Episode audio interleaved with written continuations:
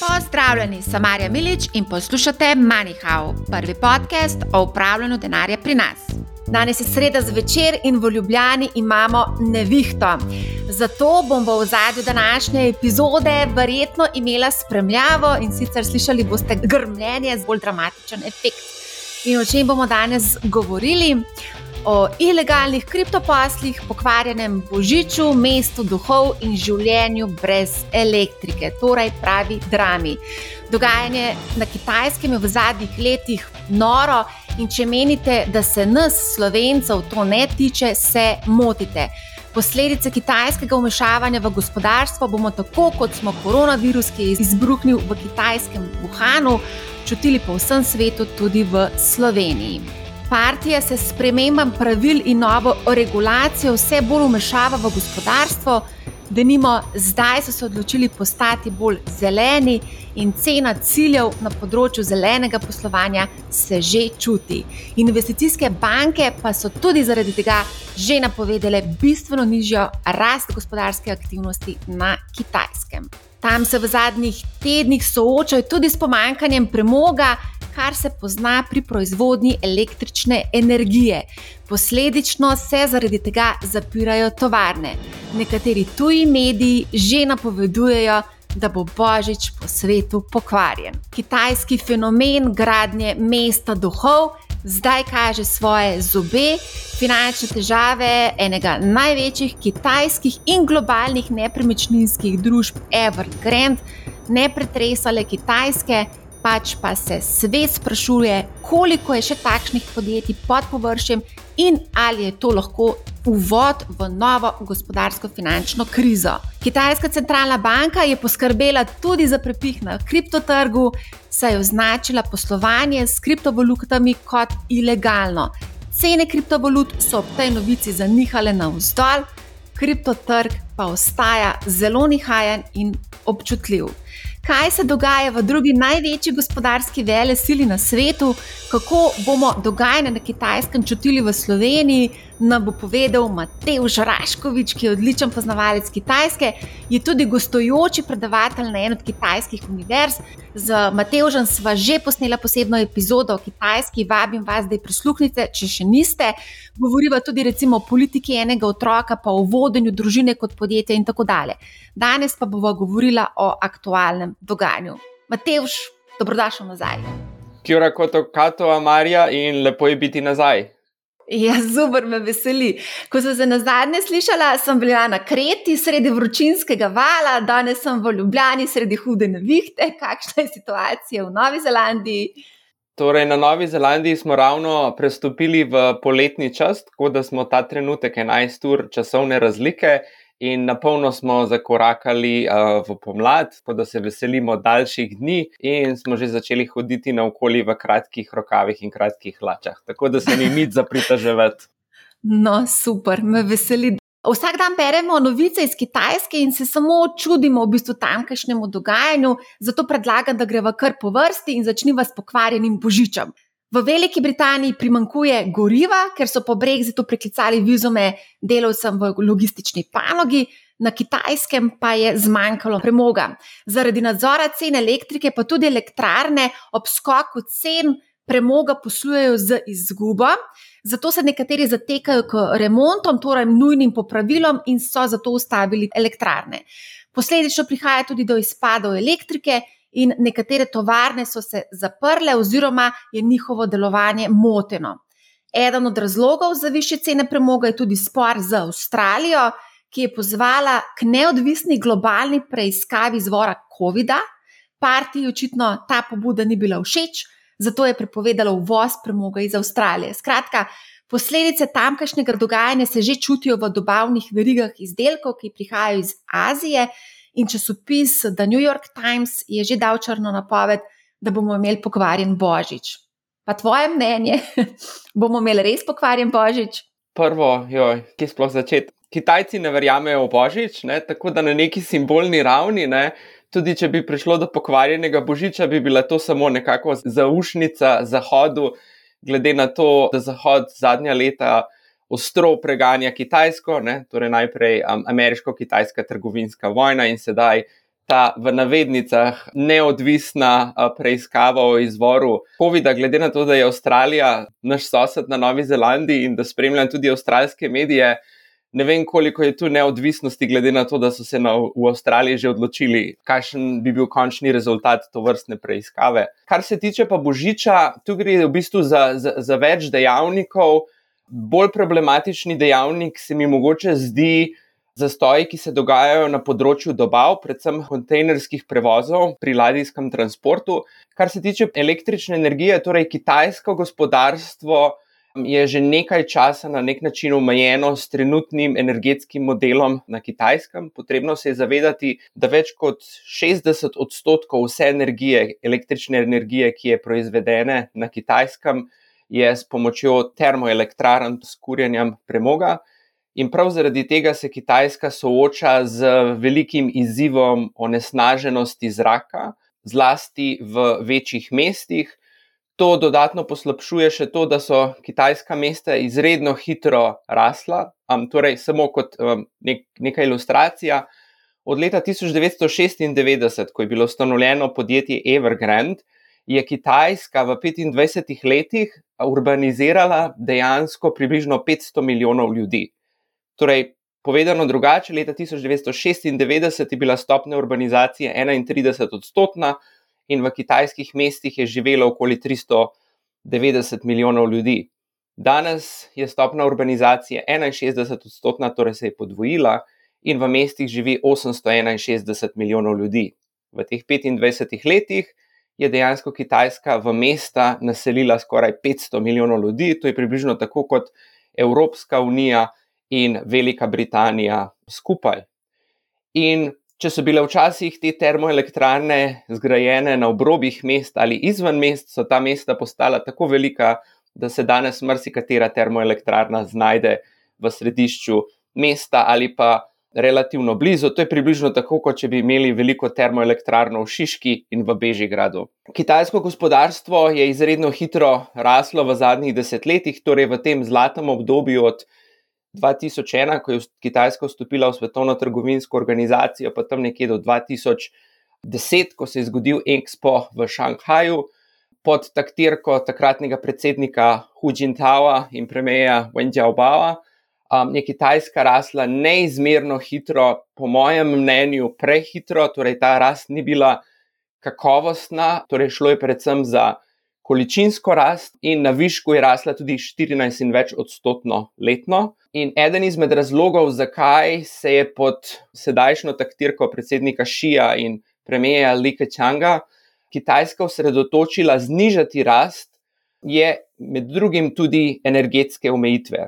Potrebno se je zavedati, da Kitajska je ta trenutek drugo največje svetovno gospodarstvo, če merimo to v pariteti kupne moči, torej BDP v kupni moči, je Kitajska že največje svetovno gospodarstvo pokriva približno 6 odstotkov svetovne zemljske površine, kjer mora nahraniti približno 18 odstotkov svetovnega prebivalstva. In to nesorazmerje nam v bistvu pokaže, kako je Kitajska na nek način omejena z fizičnim okoljem, v katerem se nahaja. In na drugi strani Kitajska je dejansko v energetskem smislu zelo, zelo odvisna. Torej, Kitajska praktično z izjemo določenih depozitov, za katere niti ne vemo, kako veliki so.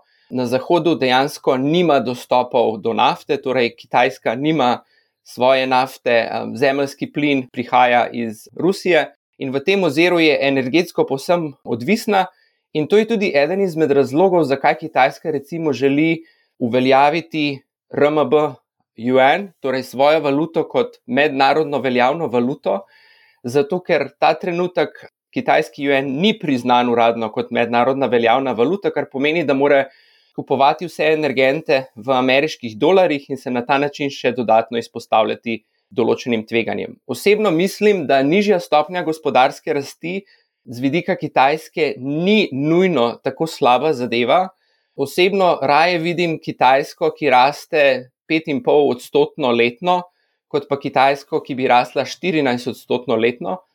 Potrebno se je tudi zavedati, da recimo v začetku drugega desetletja ali pa prvega desetletja 21. stoletja, tam nekje okoli 2001, je Kitajska pri 14-odstotni stopni gospodarske rasti letno mogoče dodajala 250 milijard ameriških dolarjev k svojemu BDP-ju. Torej, osnova je bila takrat veliko nižja, in visoke stopnje gospodarske rasti na nizko osnovo so pomenile okoli 250 milijard ameriških dolarjev prirasta letno.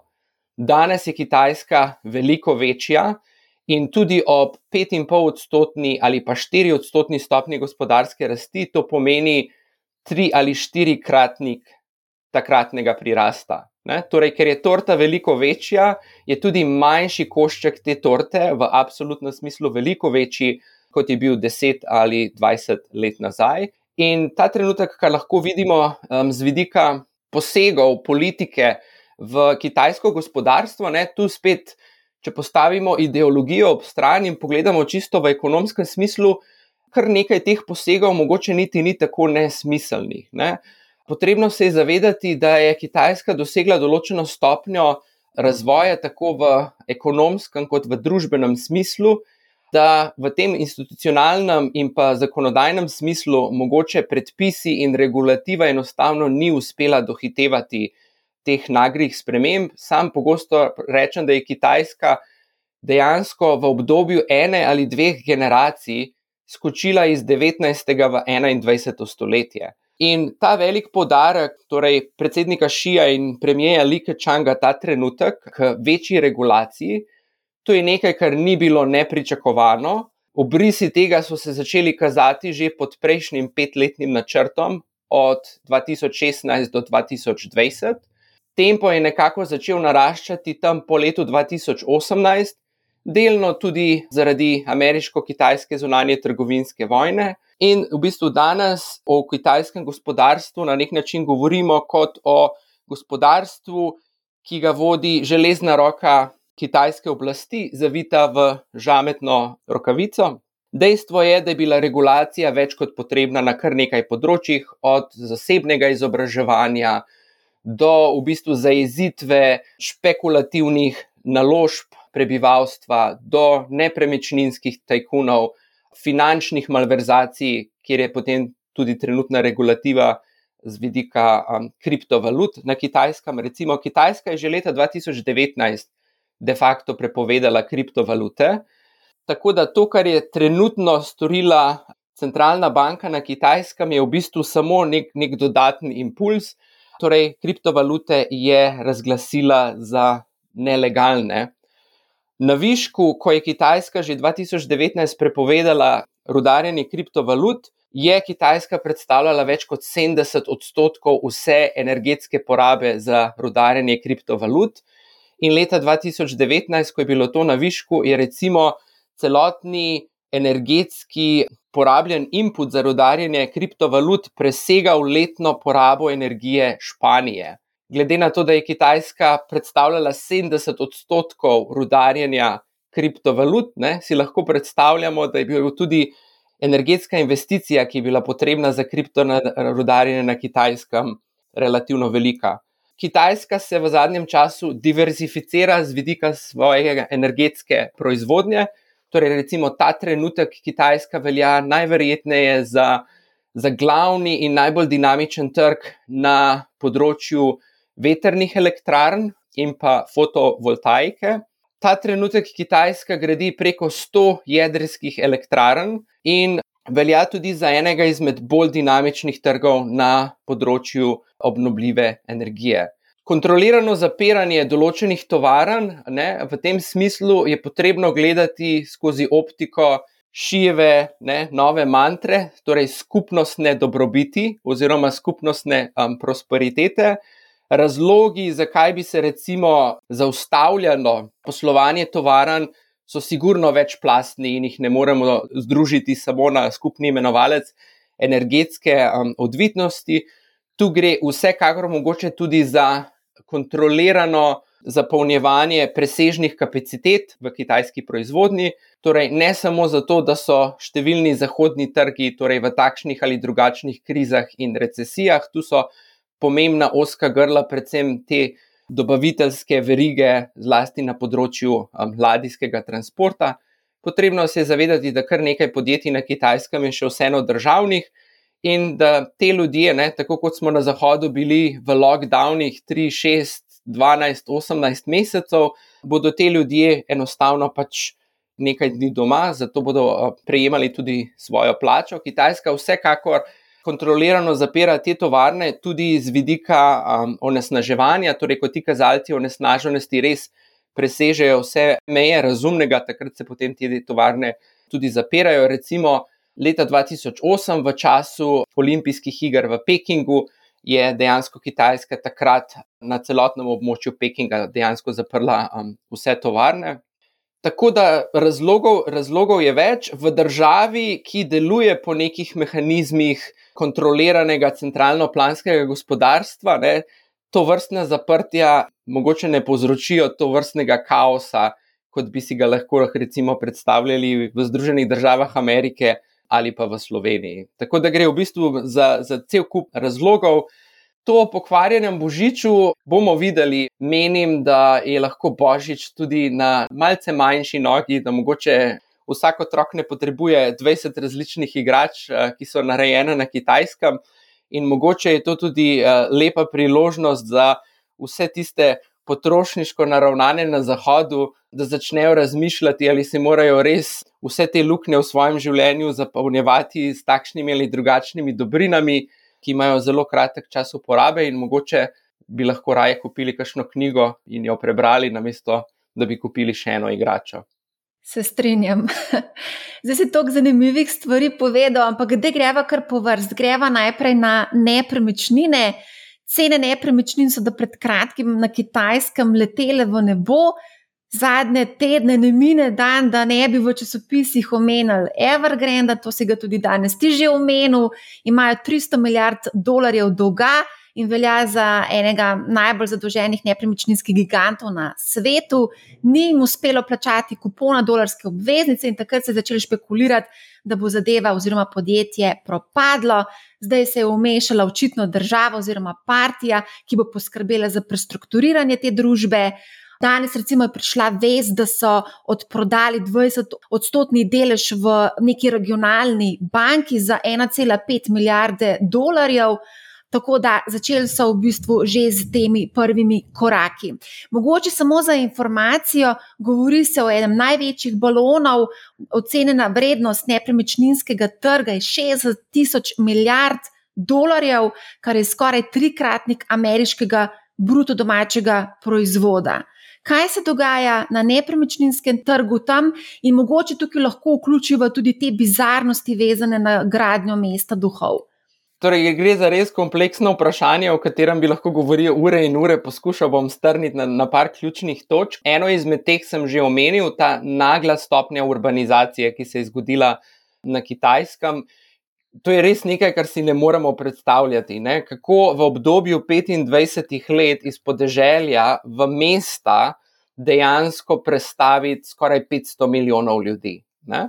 In zato je potrebno zgraditi ustrezno infrastrukturo, ne, ne samo mostove, letališča, bolnišnice, šole, ampak tudi stanovanja. Torej, kitajska rast tam nekje do svetovne gospodarske in finančne krize leta 2007-2008 je temeljila predvsem, kot rečemo temu, na dvonožnem modelu gospodarstva. Ena noga so predstavljale investicije v infrastrukturo, kjer je recimo nepremičninski trg bil samo delček te zgodbe. Ne? Torej, poleg tega so bile tudi investicije v, v omrežje hitrih vlakov, torej Kitajska ima največje omrežje hitrih vlakov na svetu. Recimo, kot za šalo lahko povem, ne, da ko svojim kitajskim prijateljem razlagam, ne, da če bi vzel vlak iz Ljubljane na Dunaj, bi najverjetneje potoval 8 ur ne, v Budimpešto lahko tudi dlje, ker se ustavi v vsaki vasi, to je nekaj, kar je njim popolnoma nerazumljivo. Ne? Na kitajskem, recimo, vzameš hitri vlak med Šanghajem in Pekingom, to je 1260 km in zato potrebuješ tam nekje 4 ure. Tako da ne, ta, ta zelo nagel razcvet in razvoj kitajske družbe so v veliki meri, saj do svetovne gospodarske krize, poganjale investicije v infrastrukturo, No, druga noga pa je bil predvsem izvoz. In ko se je zgodila svetovna gospodarska in finančna kriza, je dejansko Kitajska ugotovila, da mora postati bolj zadostna In takrat se je uveljavil model tako imenovanega tronožnega gospodarstva, kjer je glavno nogo, glavni stebr kitajskega gospodarstva začelo dejansko postajati domače povpraševanje. Ne? In če pogledamo danes, je kitajsko gospodarstvo zelo različno od kitajskega gospodarstva pred 20 leti. Domače povpraševanje nekako predstavlja glavno gonilo in glavni motor kitajske gospodarske rasti. In v tem procesu urbanizacije ne, torej se spremljajo tudi življenjski slog in potrošniške navade ljudi, ker naenkrat ljudje prihajajo v mesta, kupujejo avtomobile, hladilnike, klimatske naprave, igralne konzole in tako naprej. In v veliki meri je v bistvu to poganjalo ta novi motor kitajskega gospodarstva, torej domače povpraševanje. Druga zadeva, ki smo jo omenila že v prejšnjem podkastu, je ta politika enega otroka ki je dejansko pripeljala do velikega nesorazmerja v spolni strukturi. Torej, na približno 100 rojenih deklic na kitajskem je danes okoli 117-118 dečkov. Po domače povedano, po logiki ponudbe in popraševanja, je veliko več ženinov, kot je nevest na kitajskem, kar pomeni, da so neveste in njihove družine lahko malo bolj zbirčne, In po domače, kot ti bo povedala vsaka kitajska tašča, kot je povedala tudi meni, tudi jaz imam kitajsko taščo, brez stanovanja ni žene. In vsa ta mesta duhov, o katerih si govorila, so delno posledica tudi v bistvu tega, da družine, ko se rodi deček v tej družini, dejansko začnejo vrčevati in na neki točki kupijo stanovanje. To stanovanje je mogoče prazno, ampak dejansko predstavlja naložbo v prihodnjo družinsko srečo te družine oziroma tega klana. Podjetje Evergrande ta trenutek dolguje približno 1,6 milijona neizpolnjenih stanovanjskih obveznosti.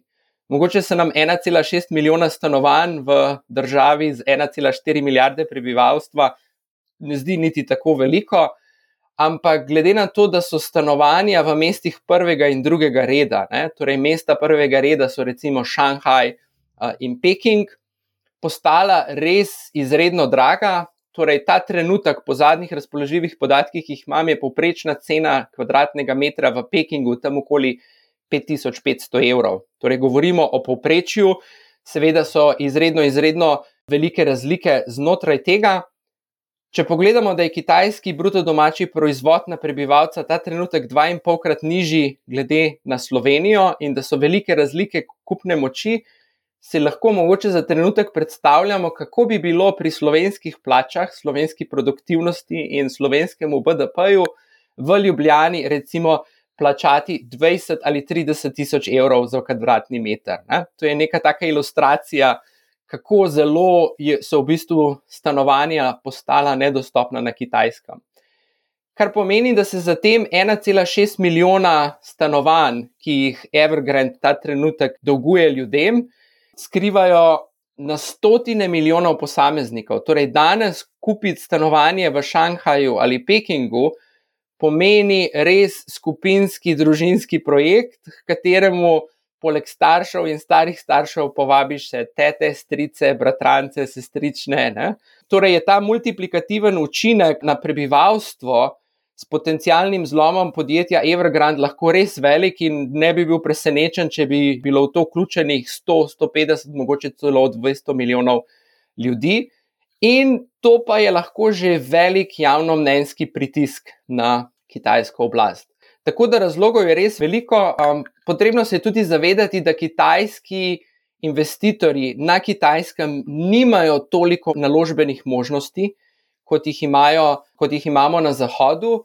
Torej, vemo, da kitajski investicijski trgi znajo biti izredno volatilni, kar nekaj investitorjev se je v preteklosti opeklo na, na kitajskih borznih trgih, enostavno ker niso bili dovolj ozaveščeni, ker so bili izredno špekulativno naravnani. Je nekaj tudi v kitajski naravi, Kitajci radi špekulirajo, v tem oziru gredo na vse ali na nič. Torej, je tudi z razlogom, da so znani kot eni izmed največjih igralcev igr na srečo na svetu. Tradicionalno so Kitajci naklonjeni investicijam v nepremičnine, da pa je ironija še toliko večja, je vsa zemlja dejansko v lasti države, ki jo upravlja Kitajska komunistična partija. Torej, tudi če bi v Pekingu kupili recimo vrstno hišo, za katero bi najverjetneje odšteli tam nekje med 15 in 20 milijonov evrov, pa pustimo to. Dejansko ne bi bili nikoli lastnik te zemlje, ampak bi pridobili samo uporabno pravico za to zemljo za 70 let. Tako da gre v bistvu za več razlogov. Dejstvo je, da so te družbeno-ekonomske razlike na kitajskem postale res tako velike, zlasti med tistimi, ki živijo v mestih prvega in drugega reda, proti tistim, ki živijo v mestih tretjega, četrtega in petega reda, kaj šele med prebivalstvom, ki živi na podeželju in pa v mestih, da je to začelo predstavljati zelo velik problem. Torej, ko se je Kitajska začela odpirati svetu, ne, to obdobje um, ekonomskih reform, ki se je začelo tam nekje konec 70-ih, v začetku 80-ih let, predvsem pod um, taktirko Deng Xiaopinga, ko se je Deng Xiaoping leta 92 poslavljal in se stopil dejansko z oblasti, je takrat izrekel mantro: socializem ne sme pomeniti revščine in biti premožen in uspešen bi moralo postati sinonim za socializem. Takrat je tudi izjavil, da se zaveda, da bodo v tem procesu nekateri pač obogateli hitreje od drugih.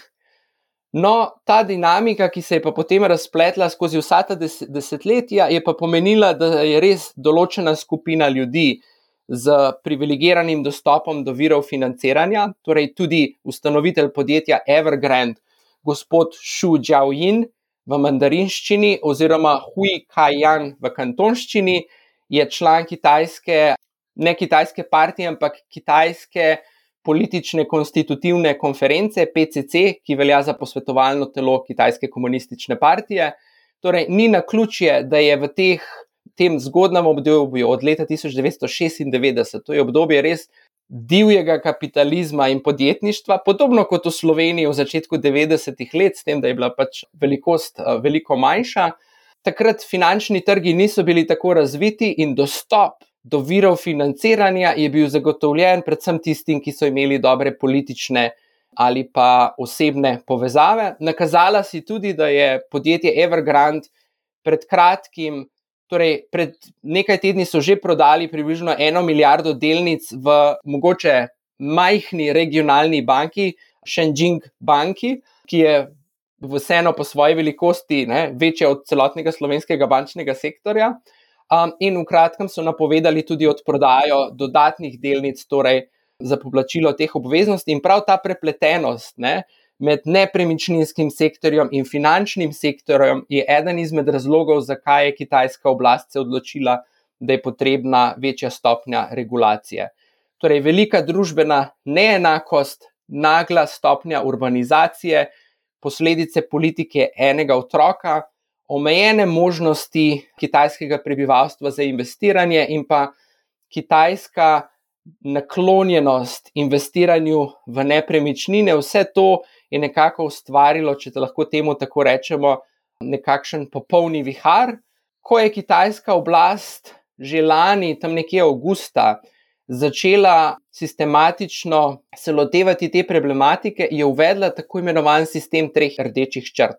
In dejansko takrat so se že začeli kazati določeni indici, kateri nepremičninski giganti na kitajskem bi se lahko znašli v težavah kaj so te tri rdeče črte? Gre v bistvu za tri različne finančne kazalnike, s katerimi je kitajska oblast nekako eh, želela zajeziti prevelike apetite nepremičninskih gigantov in želela dejansko preprečiti, da bi katero koli posamično podjetje postalo enostavno preveliko.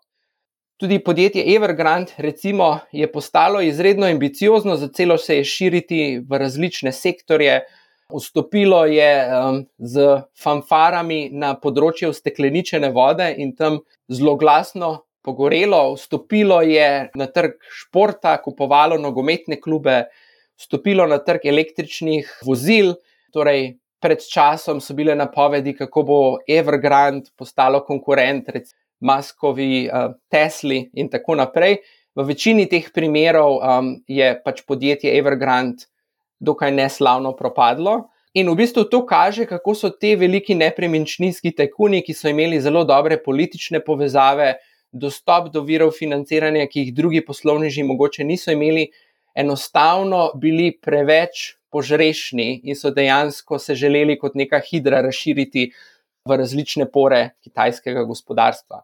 Če se vrnemo nazaj na te tri rdeče črte, torej gre za tri različne kazalnike.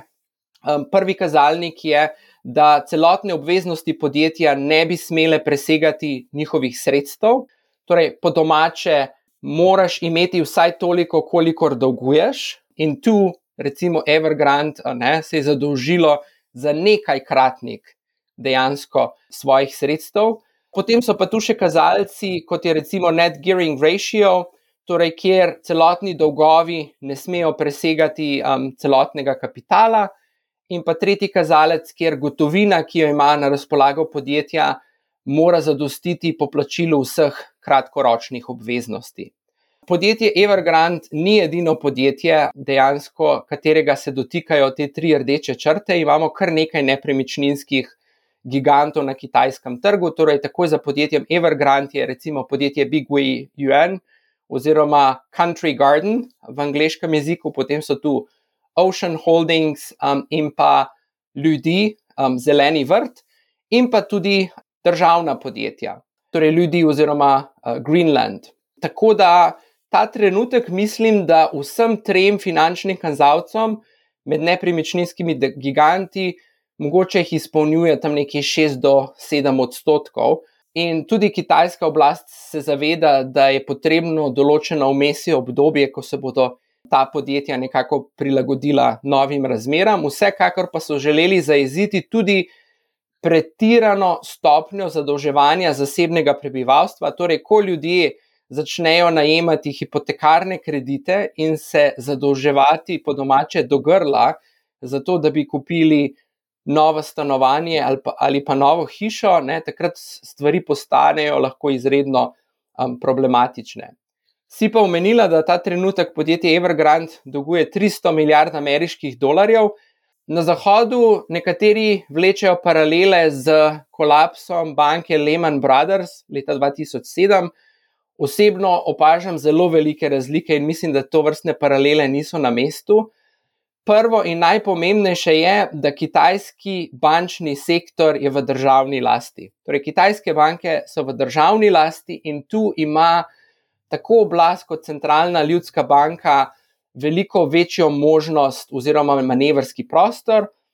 Če pa nekako zelo plastično predstavimo, tudi če bi morala kitajska oblast vstopiti in poplačati vseh 300 milijard ameriških dolarjev, se je potrebno zavedati, da to predstavlja manj kot 10 odstotkov trenutnih mednarodnih denarnih rezerv, ki jih ima Kitajska. Ta Kitaj, Kitajska ima ta trenutek okoli 3200 milijard ameriških dolarjev a, mednarodnih denarnih rezerv. Za razliko Združenih držav Amerike, ki so enostavno samo natisnile več, več ameriških dolarjev, ali pa Evropske unije, ki se je zadolžila do grla in še preko, bi kitajska oblast enostavno lahko samo posegla v lastno pušljico in dejansko rešila celotno situacijo, in bi bil to samo pljunek v morje, glede na vse mednarodne denarne rezerve, ki jih imajo. Tako da mislim, da to vrstne paralele niso na mestu in da ni tako grozno, in kot zgleda, si pa znam predstavljati, da na zahodu se bo kar nekaj ljudi um, opeklo. Torej, potrebno se je zavedati, da podjetje Evergrande ima določene obveznice, ki so denominirane v ameriških dolarjih, določene obveznice, ki so denominirane v kitajskih juanih.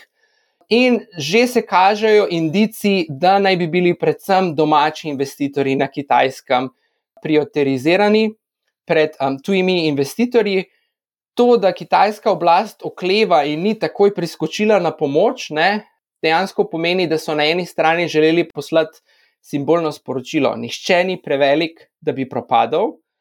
In želeli so poslati tudi sporočilo Zahodu, ki v zadnjih letih preganja Kitajsko od ameriške zunanje trgovinske vojne do potem antagonizma, vezanega na izvor COVID-a. In ne v nekako kitajskih očeh oziroma mislih Kitajska ne, ne želi, da bi se tujci okoriščali s Kitajsko, pri čemer jo istočasno tudi kritizirajo, pri tem podoživlja tudi zgodovinsko travmo tako imenovanega stoletja ponižanja po opijskih vojnah, ko je dejansko Kitajska izgubila kar del svoje teritorijalne suverenosti. In to je recimo nekaj, kar so na Zahodu že zdavnaj pozabili, je pa še kako živo v kitajskem kolektivnem spominu.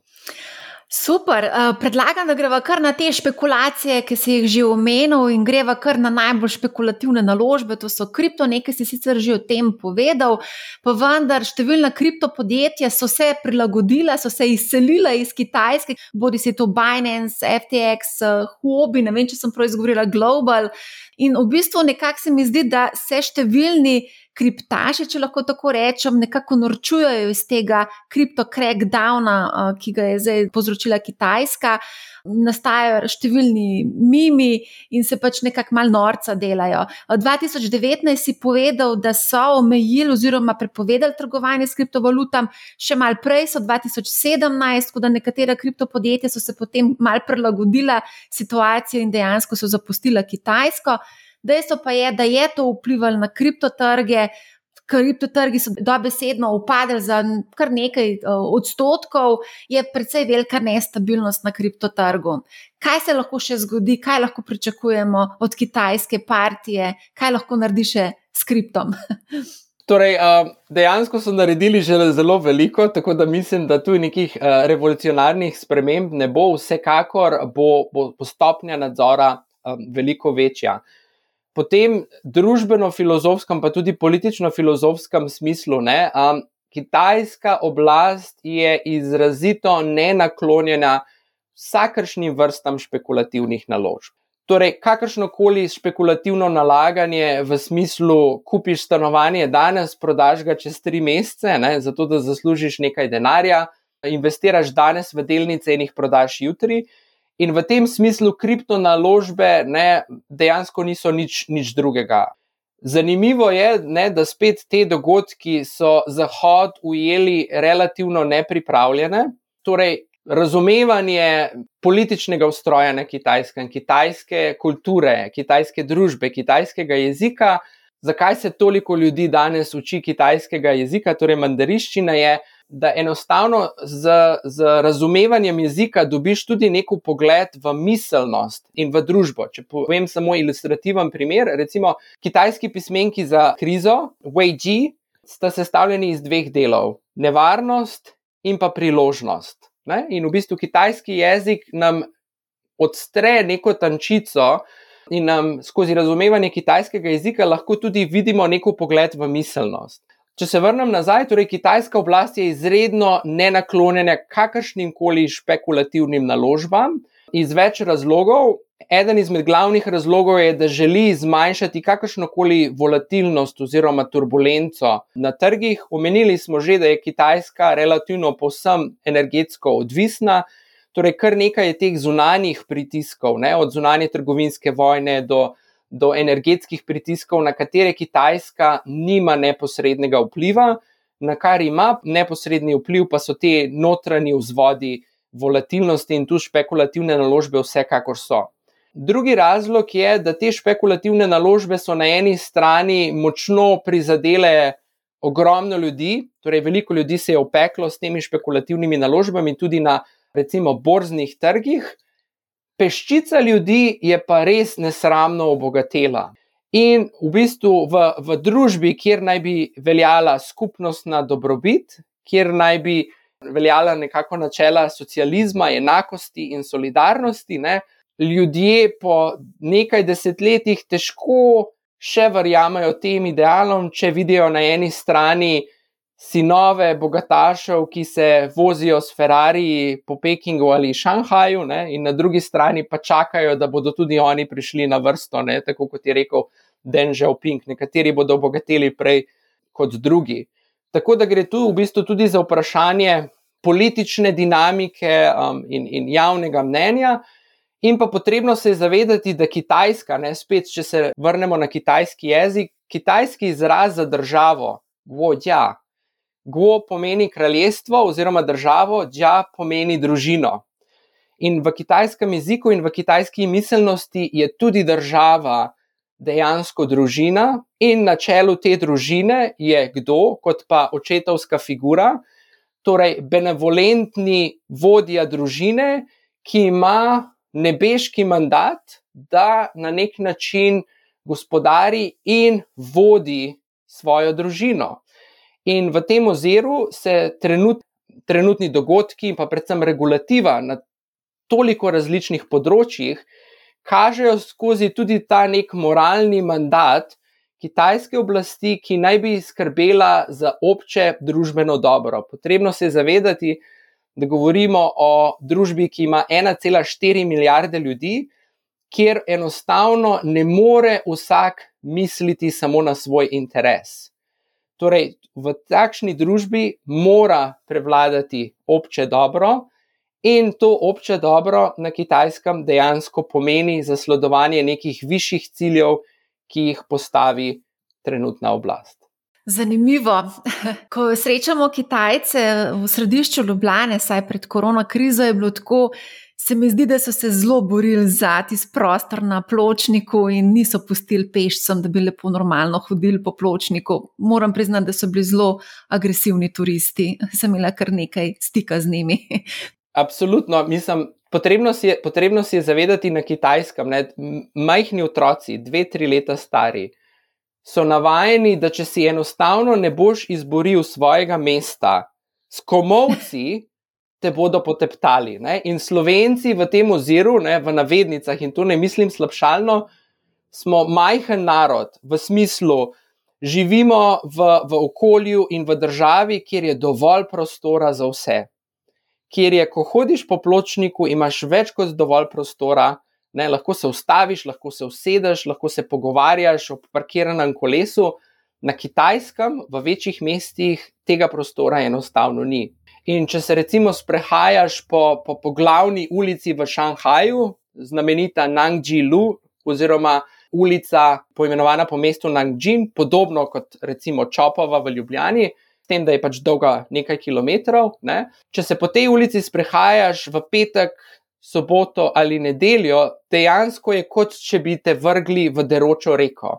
Torej, masa ljudi je enostavno ogromna in na zahodu zelo pogosto percipiramo Kitajsko in Kitajce kot izrazito konkurenčne in, in bojevite, ampak potrebno se je zavedati, da mi izhajamo iz okolja, kjer relativno hitro lahko postaneš najboljši v nečem. Torej, če si eden na milijon, ne, kot obstaja zelo uh, popularen izraz, si dejansko v Sloveniji praktično edinstven. Če si na kitajskem, eden na milijon pomeni, da je 1400 ljudi popolno identičnih in da nisi prav nič posebnega. Ja. No, zdaj, marsikater, verjetno, ki naj jo posluša, razmišlja, kako lahko zasluži s kitajskimi delnicami. Nekatere delnice, zlasti podjetij, ki pač delujejo v panogah, ki jih je udarila partija, so padle za 890 odstotkov, delniški indeks eh, MSCI China, ki pokriva 85 odstotkov celotnega kitajskega delniškega trga, pa je letos upadel za 18 odstotkov, z letošnjega vrha v februarju pa za dobrih 30 odstotkov. Augusta si nam povedal, da je Kitajska zanimiva za investiranje, vendar da se je potrebno zavedati vseh tveganj. Pa me zanima, katere panoge meniš, da bi lahko doletelo to discipliniranje partije in katere so mogoče na varni strani trenutne agende uh, politike. Tako le bi rekel, kdorkoli misli resno poslovati s Kitajsko v takšnem ali drugačnem um, oziru, torej, in to vključuje tudi investiranje na kitajske trge, bi rekel, najboljši garant, najboljša investicija ki jo lahko naredi ta trenutek, je, da začnejo investirati v svoje znanje kitajskega jezika in kitajske kulture. To je investicija, ki bo vedno imela lep donos, ki nikoli ne bo stran vržen čas, zato ker jezik ni samo orodje za prebiranje časopisja in za komuniciranje ljudi, ampak dejansko je tudi okno v razumevanje kitajske miselnosti in kitajske družbe. Tako da moj, moj prvi nasvet bi bil ta trenutek najboljša investicija v povezavi s Kitajsko je učenje kitajskega jezika, spoznavanje kitajske kulture. Drugi nasvet, ki bi ga imel, je, da to obdobje, kjer so lahko špekulativni tuji investitorji dejansko hitro obogateli na kitajskem trgu, to, tega obdobja je, mislim, da več kot ne konec. Zakaj to se je zgodilo v nekem zelo pomembnem zgodovinskem trenutku? Torej, na eni strani je Zahod se zelo antagonistično vedel do Kitajske, torej zunanja trgovinska vojna, um, torej vsa kontroverzija okoli COVID-a. Ne? In nekako, ne, že logika nam pravi, ne moreš sedeti na dveh stolih. Ne, ne moreš istočasno biti izredno kritičen do Kitajske, pa postati milijonar preko investiranja na kitajske trge. Potrebno se je zavedati, in to tudi med slovenskimi investitorji, ne, da torej, tudi slovenski investitorji bodo morali postati bolj pazljivi in bolj kritični do takšnih ali drugačnih investicijskih skladov, ki jim prodajajo pravljice o deželi medu in mleka. In potrebno je narediti tudi tako imenovani due diligence kot majhen delničar. In dejansko, recimo, imamo tudi kar nekaj investicijskih skladov v Sloveniji, ki ponujajo možnosti investiranja na kitajske trge. Ne? Svetoval bi tem investitorjem, da začnejo spraševati, koliko ljudi med vašimi naložbeniki, investitorji, bankirji, zna govoriti in brati kitajsko. Koliko ljudi je že kdaj bilo na kitajskem, imajo mogoče zaposlenega kakšnega sinologa. Ne?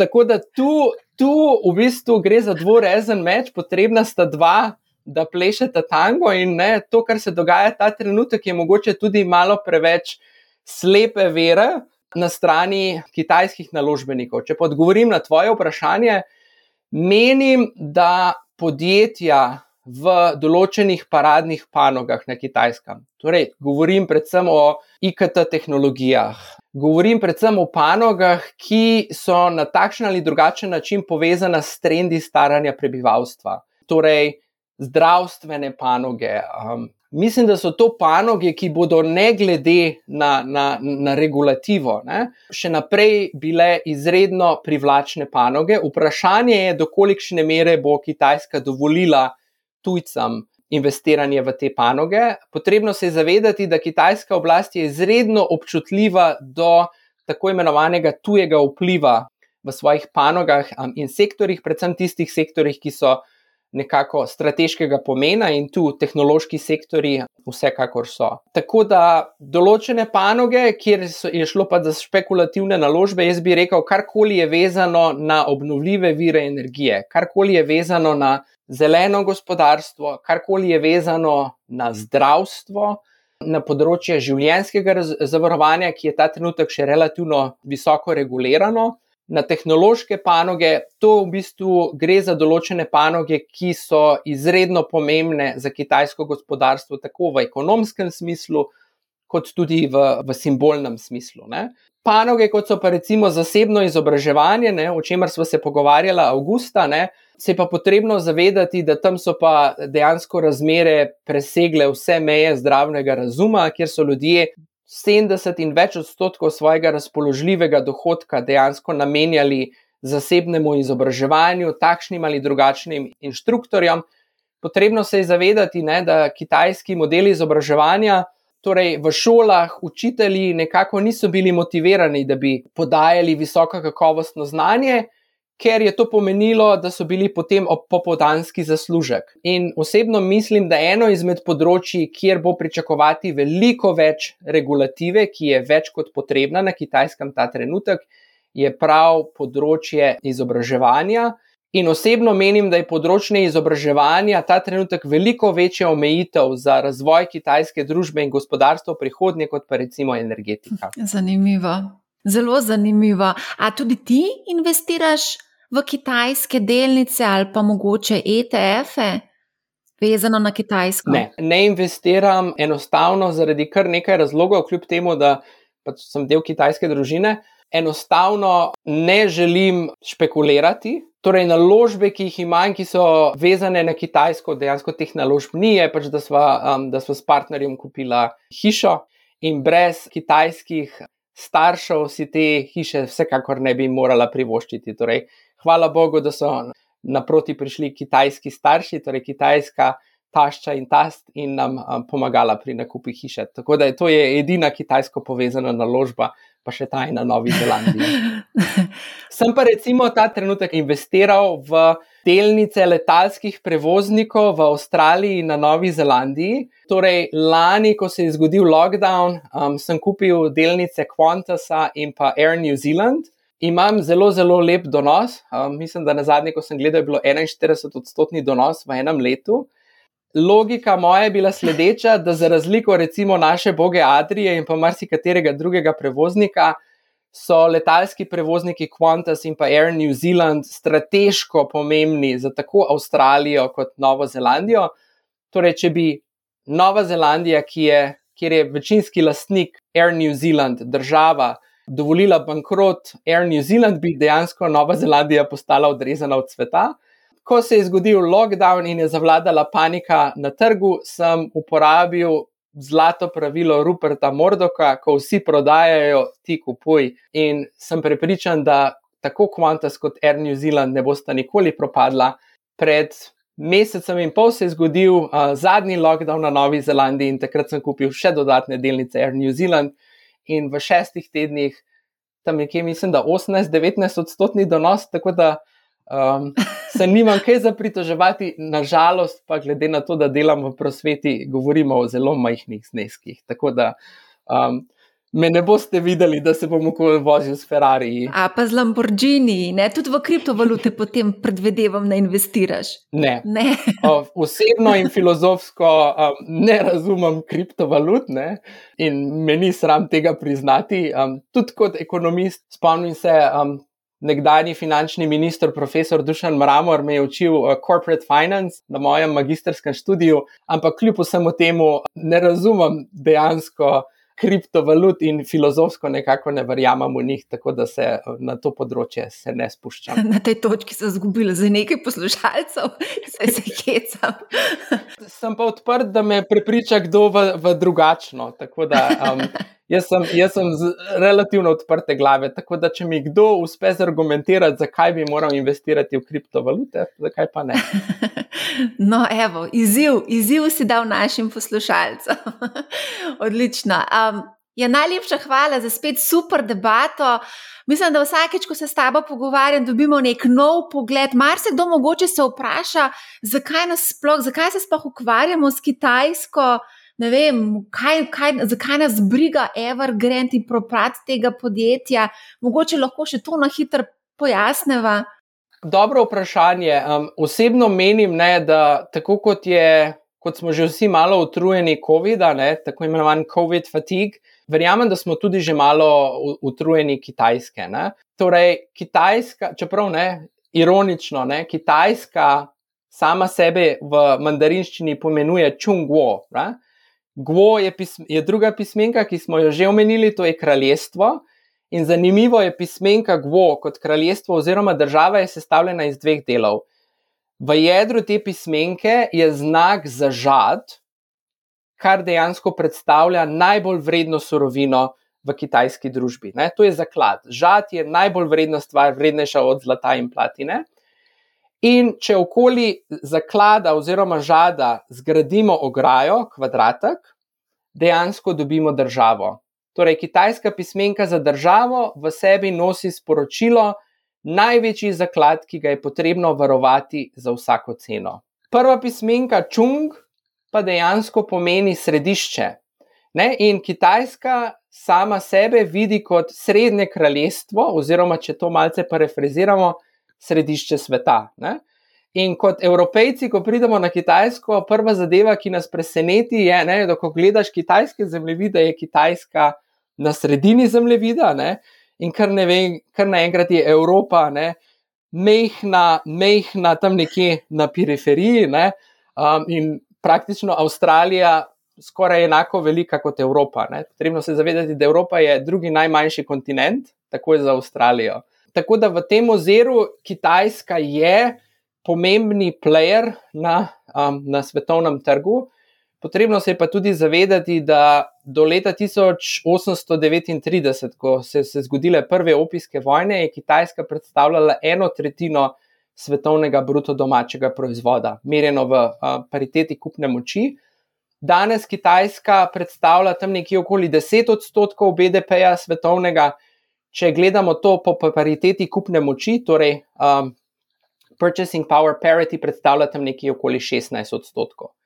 Torej, Kitajska je danes v svetovnem merilu samo polovico toliko pomembna v svetovnem bruto domačem proizvodu, kot je bila recimo 150 let nazaj, leta 1839, no, malce več kot 150 let. Tako da v tem oziru je vse, vse je relativno, enostavno gre za ogromen trg. Ne?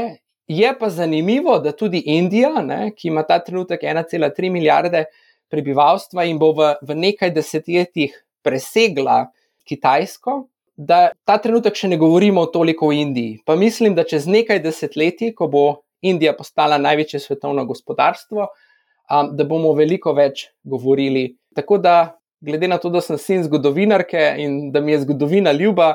V zgodovinskem smislu je vse relativno. V 80-ih letih so bili na tapeti Japonska in Japonci, Tudi takrat so se Združene države Amerike zapletle v trgovinsko vojno z Japonske. ZDA so kar petkrat žugale z jedrskim gumbom Japonski. Predsednik George Bush je na neki točki celo prepovedal uvoz japonskih avtomobilov. Takrat so Združene države Amerike prisilile Japonsko v prostovoljno omejevanje tako imenovane voluntary economic restrictions oziroma prostovoljne ekonomske kvote, ker so omejili količino japonskih avtomobilov na ameriški trg. Posledica tega je bila, da je Toyota razvila novo blagovno znamko Lexus, ker če so bili omejeni s količino avtomobilov na ameriški trg, so dejansko začeli proizvajati prestižne, visoke kakovostne um, avtomobile. In to je samo še en nauk, če danes pogledamo, kje je ameriška avtomobilska industrija in kje je japonska nauk, da na dolgi rok se državni intervencionizem nikoli ne splača. Ja, zelo zanimivo. Kar nekaj vprašanj se mi je pojavilo tukaj, ampak bova zaključila. Pa bova drugič predebatirala še mogoče Indija, ki zna biti zelo zanimiva, glede na to, da si tako prepričan, da bo to čez 10-20 let največja svetovna vele sila na svetu, če se te prav razumela. Tako je, v tem času ta trenutek je razlika v prebivalstvu med Kitajsko in Indijo mogoče tam nekje 40 milijonov. In v, v času trajanja tega najnega pogovora ne, bi si upal um, uganiti, um, ugibati, ne, to je zelo tako plastič, plastično ugibanje, da se je na Kitajskem rodilo mogoče 300-350 um, dojenčkov, v Indiji se je rodilo najverjetneje tam nekje 550-600 dojenčkov. Ne? Vprašanje, koliko dojenčkov se je v času najnega pogovora um, rodilo v Sloveniji? ja, veliko vprašanje. Super, odlično. Um, še, eno, za še eno zadevo bi te prosila, pa boš ti zaključil ta današnji podcast s kitajščino in sicer boš povedal po kitajsko: Poslušajte, manjhav, ne bo vam žal. Lepo zdrav. O, to, je, to je pa preveč za moje znanje mandariščine, Ni, nisem takšni ekspert. A, kljub temu, da sem, žive, da sem živel eno leto v Šanghaju, je moje znanje kitajščine izredno, izredno omejeno. Evo, sem se malo pozanimal pri svoji boljši polovici, kako v kitajščini se zahvaliti in povedati, da poslušajo Moneyhow podcast. Gangxie je šel ting Moneyhow podcast. 再见。Ok, vela. Vse to, kar si rekel. Super. Najlepša hvala še enkrat za res odlično debato. Upam, da se bomo kmalo spet slišali s kakšno novo vsebino, malo za obdelati, če kar nekaj zelo zanimivih eh, tem. Tako da iskrena hvala, da si si vzel čas in želim ti še naprej lep dan. Vedno v veselje in če bi vas zdaj v prihodnje zanimal, mogoče avstralski ali pa novozelandski trg, kjer so tudi določene priložnosti, pa ponavadi ljudje ne razmišljajo o njih. Torej, nalaganje v letalske prevoznike mogoče ni tako riskantno, če si izberete pravega letalskega prevoznika. Evo, mislim, da bo kar nekaj naših poslušalcev potem prečakirali to zadevo, tako da prepričana sem v to. Iskrena hvala še enkrat, da si bil z nami. Malenkost, hvala za povabilo. Skratka, ohranimo trezno glavo in upajmo, da se čim prej izvlečemo iz trenutnega čudnega stanja. Če imate kakršno koli vprašanje, mi pišite na marja.afnabusinessspace.com, spremljajte nas na YouTube kanalu, naročite se na e-pismo na businessspace.com in preverite tudi naš blog. Zelo bom vesela, če boste podcast MoneyHow delili s tistimi, ki bi jih morda vsebina upravljanja denarja zanimala. 感谢收听 MoneyHow Podcast，再见。 Poslušajte MoneyHow, ne bo vam žal in lep pozdrav!